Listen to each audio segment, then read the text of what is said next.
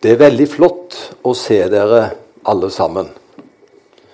Og Så håper jeg at vi har det rimelig bra. De fleste har vel det, og så er det sikkert noen også som har store utfordringer. Det vet jeg at det finnes.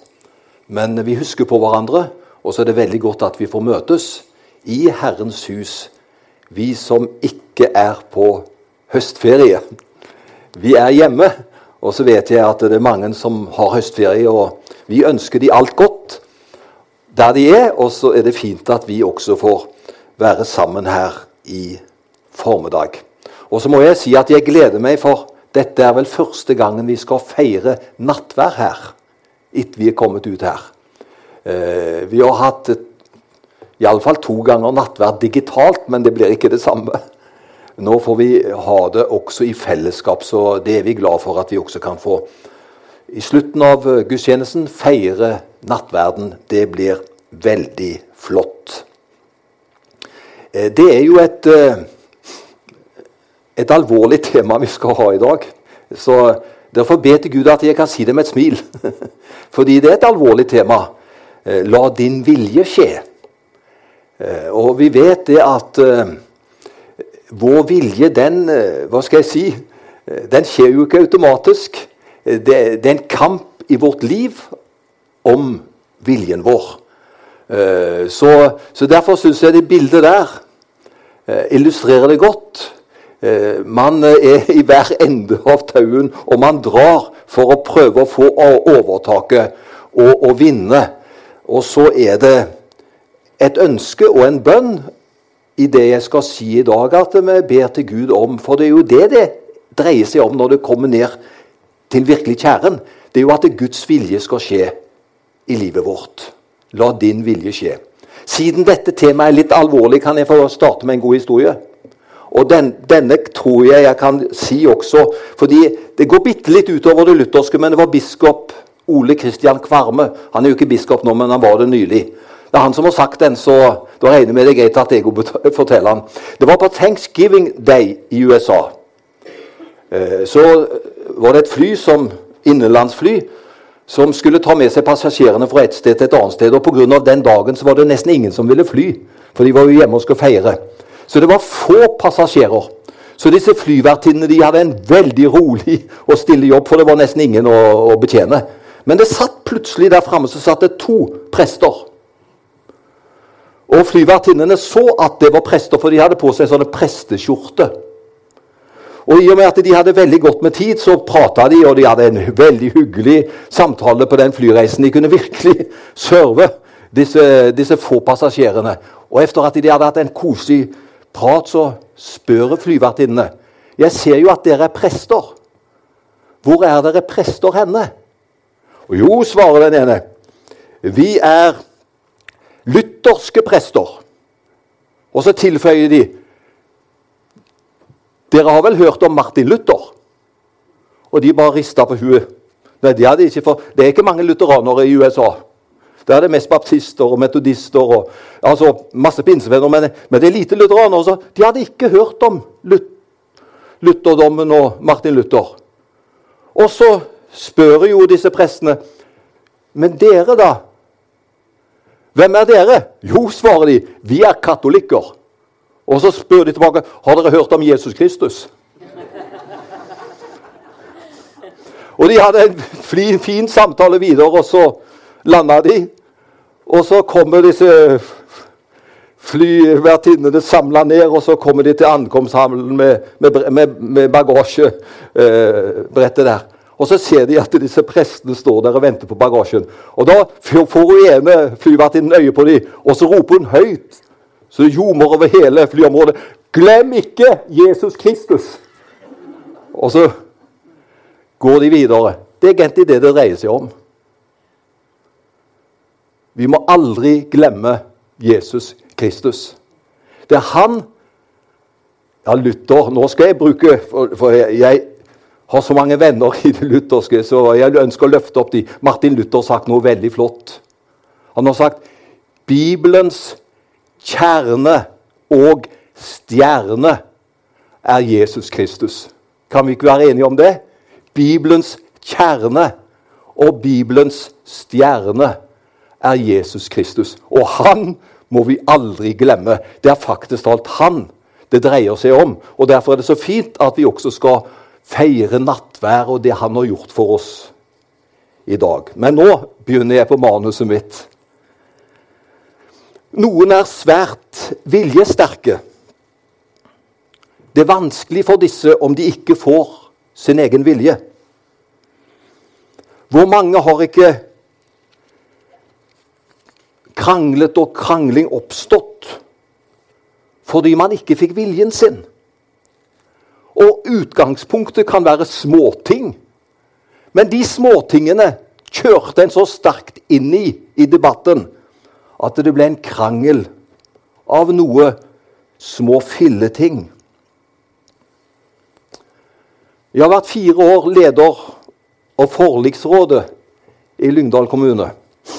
Og Der er det mange saker som kommer på bordet. og som og Intensjonen er jo forlik, å skaffe forlik. ikke sant? At de skal bli enige. Det som en var uenig på forkant, ønsker vi skal resultere i et forlik, at man blir enig. I de fleste tilfellene gikk det veldig bra. Men det var i noen hvor det var så sterke følelser til stede at det gikk ikke an å bygge bro. Det ble ingen forlik. Og Jeg husker et tilfelle. Og Hadde ikke jeg vært profesjonell da, så hadde jeg begynt å gråte. For jeg syntes det var så trist. Det var veldig kamp mellom to brødre, og det dreier seg bare litt over 100 000 kroner. Og Da sier den ene som skjønte at han lå dårlig an, egentlig, så sier han at hvis jeg må betale det til deg, så er ikke du lenger min bror. Det er avsluttet fra i dag av om det blir et slik resultat. Og da tenkte jeg Tenk du at en slump med penger som ikke går i min favør, skal føre til de konsekvensene at herefter så er du ikke lenger min bror. Vi har jo hatt møter hvor det var én meter for lang hekk som gjorde at man havnet i forliksrådet. Og da ble den så provoserende, den meteren som var så høy. Og så var det snakk om hvordan kan man løse det. Som sagt, på de fleste områder så klarer man å komme til enighet. Men faktisk talt den enkeltes vilje og syn kan være veldig sterkt. Denne bønnen som Jesus lærer oss, La din vilje skje, den har motsatt karakter. Her handler det ikke om å stå på sitt, men å invitere Gud til å la Hans vilje få sin vei med oss. Og det er det, om vi liker det eller ikke, så det er det det egentlig dreier seg om å være en kristen. Det er å følge Gud. Det er at Hans vilje skal skje i vårt liv. Og så vet vi at det, det er en prosess, det også. Eh, fordi vi er mennesker hele tiden, og det er en utvikling i det. Men det er det som er målet med å være en kristen. Det at vi mer og mer skal etter hvert gjøre Guds vilje. Det er en sammenheng mellom 'komme ditt rike' og 'skje din vilje'. I Guds rike skjer alltid Guds vilje.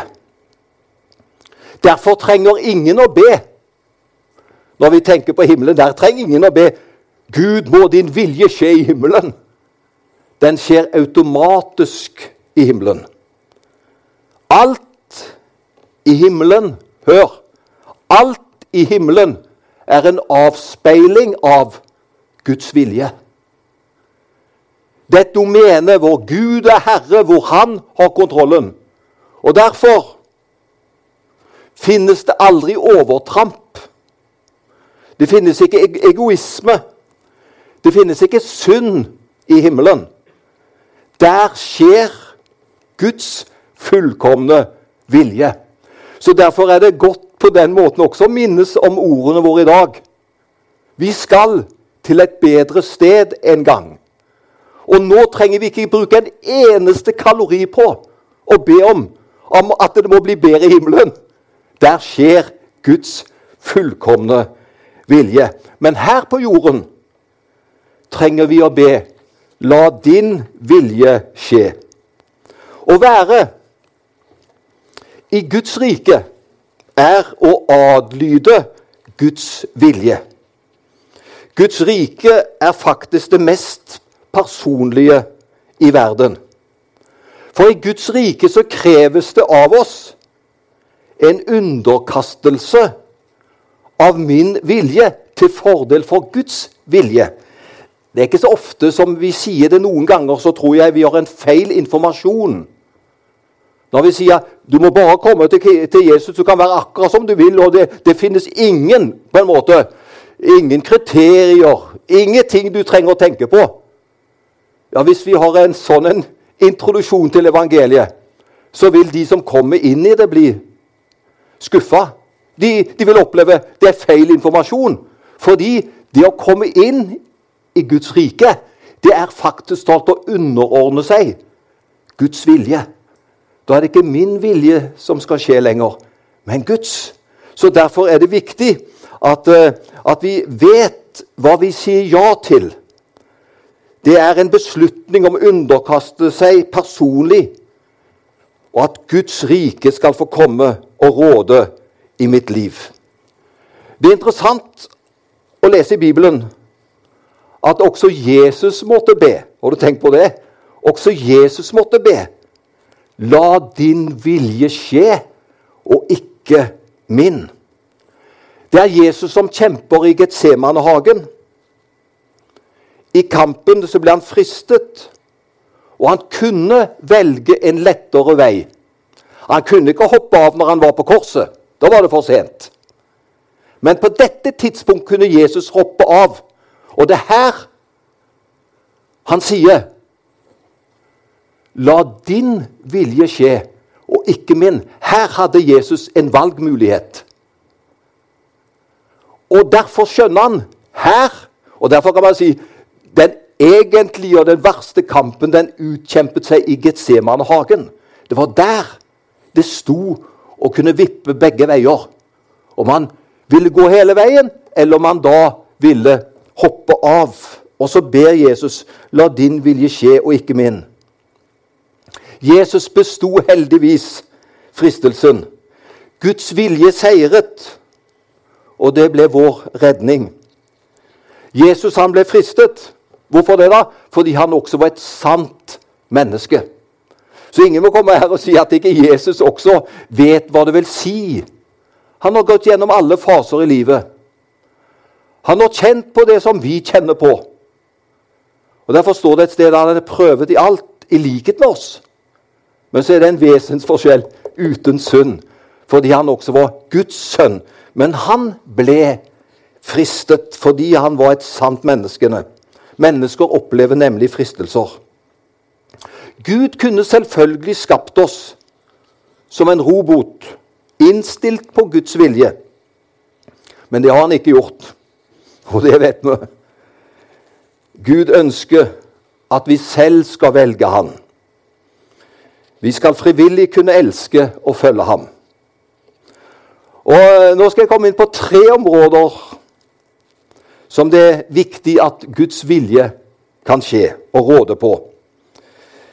Det første, og det starter med, for det har egentlig med oss selv å gjøre De andre to forholdene kan vi på en måte ikke råde sånt over sjøl. Men det første, det har med Guds vilje i eget liv. Tør vi be om det? Er det en risiko for at Gud vil noe annet enn det jeg, det jeg vil? Derfor ønsker jeg egentlig ikke be om at Guds vilje skal skje i mitt liv. Tør vi be om det? Det er en øvelse egentlig å gi Gud makt i eget liv. Og tror vi på ham, og det gjør vi jo, ikke sant? Da bør vi også kunne stole på Han. Han vil oss nemlig det beste. Men hver og en av oss bestemmer om Guds vilje skal skje i vårt eget liv. Du og jeg sitter med nøkkelen, ikke til de andre.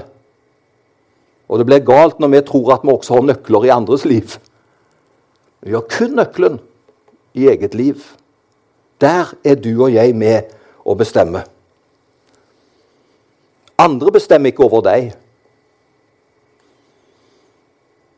Som voksne er vi ansvarlige for eget liv, og her er det viktig å be la din vilje skje. Bare du og jeg kan la Guds vilje skje med oss. Og så må vi be om hjelp. Kjødet er nemlig skrøpelig, men med Guds hjelp kan vi gjøre Guds vilje. Så det første punktet var altså Guds vilje i mitt eget liv.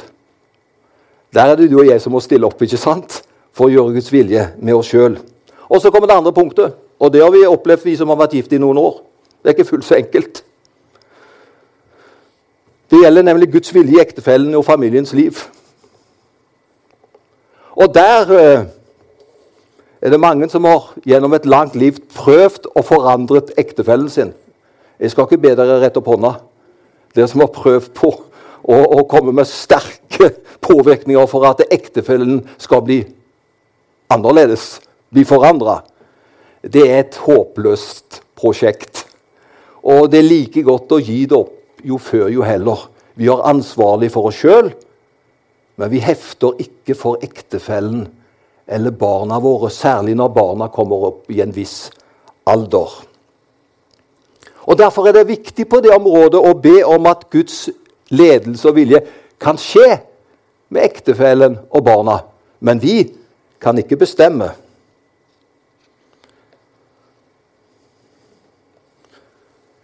Det er egentlig frigjørende. Jeg vet ikke hva du tenker. Jeg syns det er frigjørende jeg, at jeg ikke hefter med ektefellen min. Jeg har mer enn nok med meg sjøl. Og den som hele tiden er opptatt å oppdra ektefellen sin, det er jo noe som har et evigværende prosjekt på. å Oppdra ektefellen sin. Det er slitsomt. Tenk om vi mer kunne godta hverandre slik som vi er. Og den du giftet deg med og sa ja til, at du godtar Du var jo, ikke sant? Det var jo en grunn som gjorde at vi sa ja. Og så trenger vi ikke etterpå prøve med sånne voldsomme eh, prosjekter. Det vil bare tappe oss for krefter. Men vet du hva vi kan gjøre? Vi kan legge til rette for hverandre. Vi kan være med å omtale gjøre ting som gjør det blir lettere og bedre for hverandre. På den måten så skal vi ta omsorg for hverandre. Vi står jo sammen, også når det gjelder barna. Så skal vi gjøre det vi kan innenfor hva skal jeg si, greie og rimelige grenser. Men det kommer til et punkt hvor vi må gi både kona og mannen og barna ifra oss. Det er Guds prosjekt. Men vi kan be, kjære Gud, du vet at uh, livet er ikke like enkelt, men takk at vi får legge hverandre i dine hender. Og så ber jeg Gud, hvor din vilje skjer med kona mi, hvor din vilje kommer barna mine, barnebarna. Det er en god måte å tilnærme seg på. Og så hører Gud slike bønner. Du kan be, og jeg er overbevist om at du ber for familien din.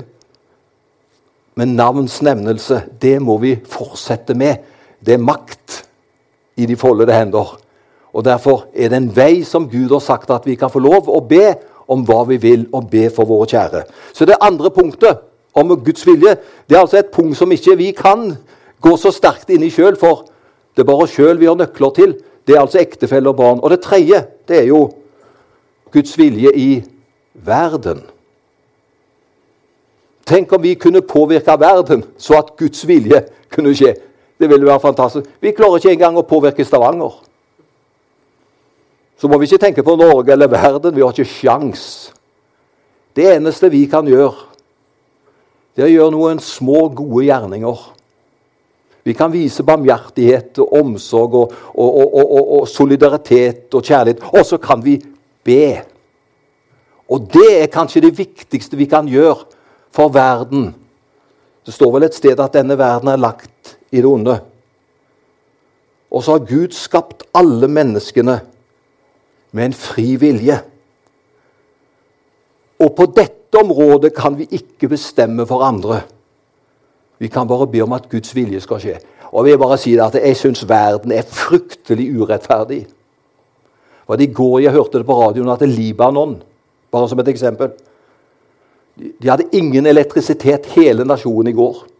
Tenk på det, du. Og de har ikke råd. De er, så, altså de, de, de er helt bankerott. Og elektrisiteten den blir kanskje borte i flere dager. Og det er ikke pga. at det er noe gale med anlegget. Nei, det er rett og slett de har ikke penger. Altså, verden er grunnleggende urettferdig. Og det var en som sa det slik. Det var jo han hu, hva heter han, humopatlegen. Han sa det at uh, man snakker om å være heldig.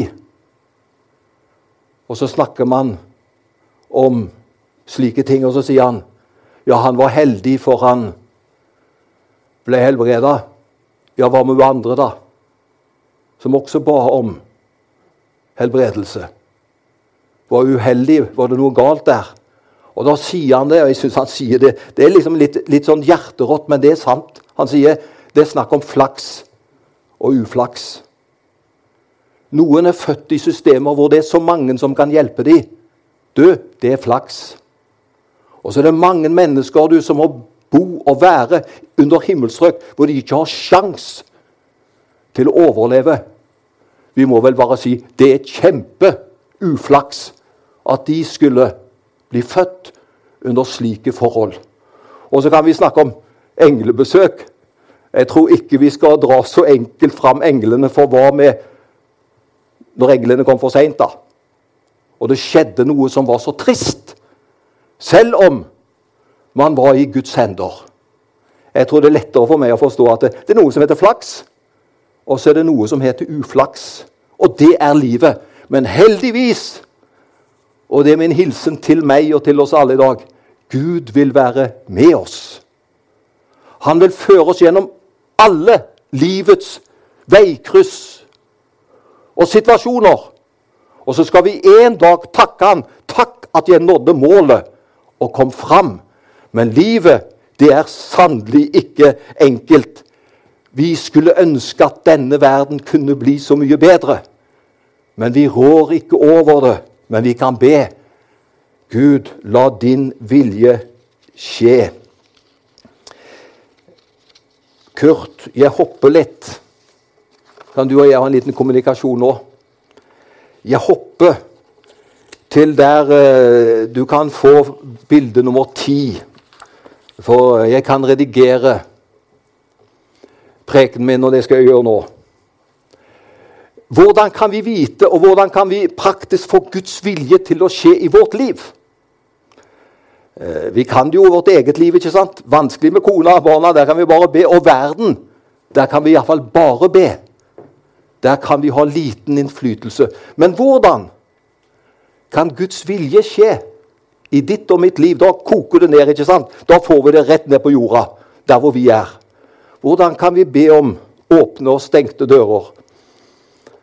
Arild Edvardsen han sa noe veldig fint.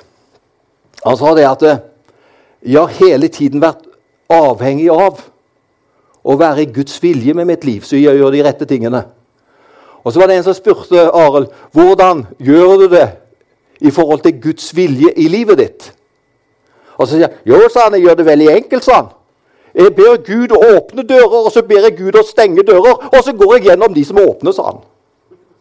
Og det var jo veldig praktisk og godt sagt. Jeg tror det går an når vi er i valgsituasjoner, å be Gud Hvis ikke jeg skal gå inn gjennom den døra, steng den for meg. Eller la meg se hindringene som gjør at det ikke er bra å gå gjennom den døra. Og så ber jeg deg, Gud, åpne de dører som skal åpnes i mitt liv. Og så hjelp meg, da, at jeg går gjennom de åpne dører. For han så funka det, og jeg tror det funker for oss alle. Jeg har aldri fått Skriften på veggen. Kanskje det blir skuffa når jeg sier det som jeg sier nå. Jeg har aldri sett en engel. Å, er du så uåndelig, du da, Sten? Jeg har aldri fått Skriften på veggen, aldri sett en engel. Men vet du hva? Jeg har opplevd en sånn en fred når jeg har bedt over ting. Så jeg merka det skal jeg gjøre. For jeg har bedt over det først, og så har jeg fått en fred. Så jeg har opplevd, Der har det plutselig åpna seg en naturlig dør etter jeg har bedt. Da tenker jeg da skal jeg gå gjennom den døra der. Hvis vi gjør Guds vilje veldig vanskelig, så sitter vi på stolen hele gjengen til slutt og ikke gjør noe.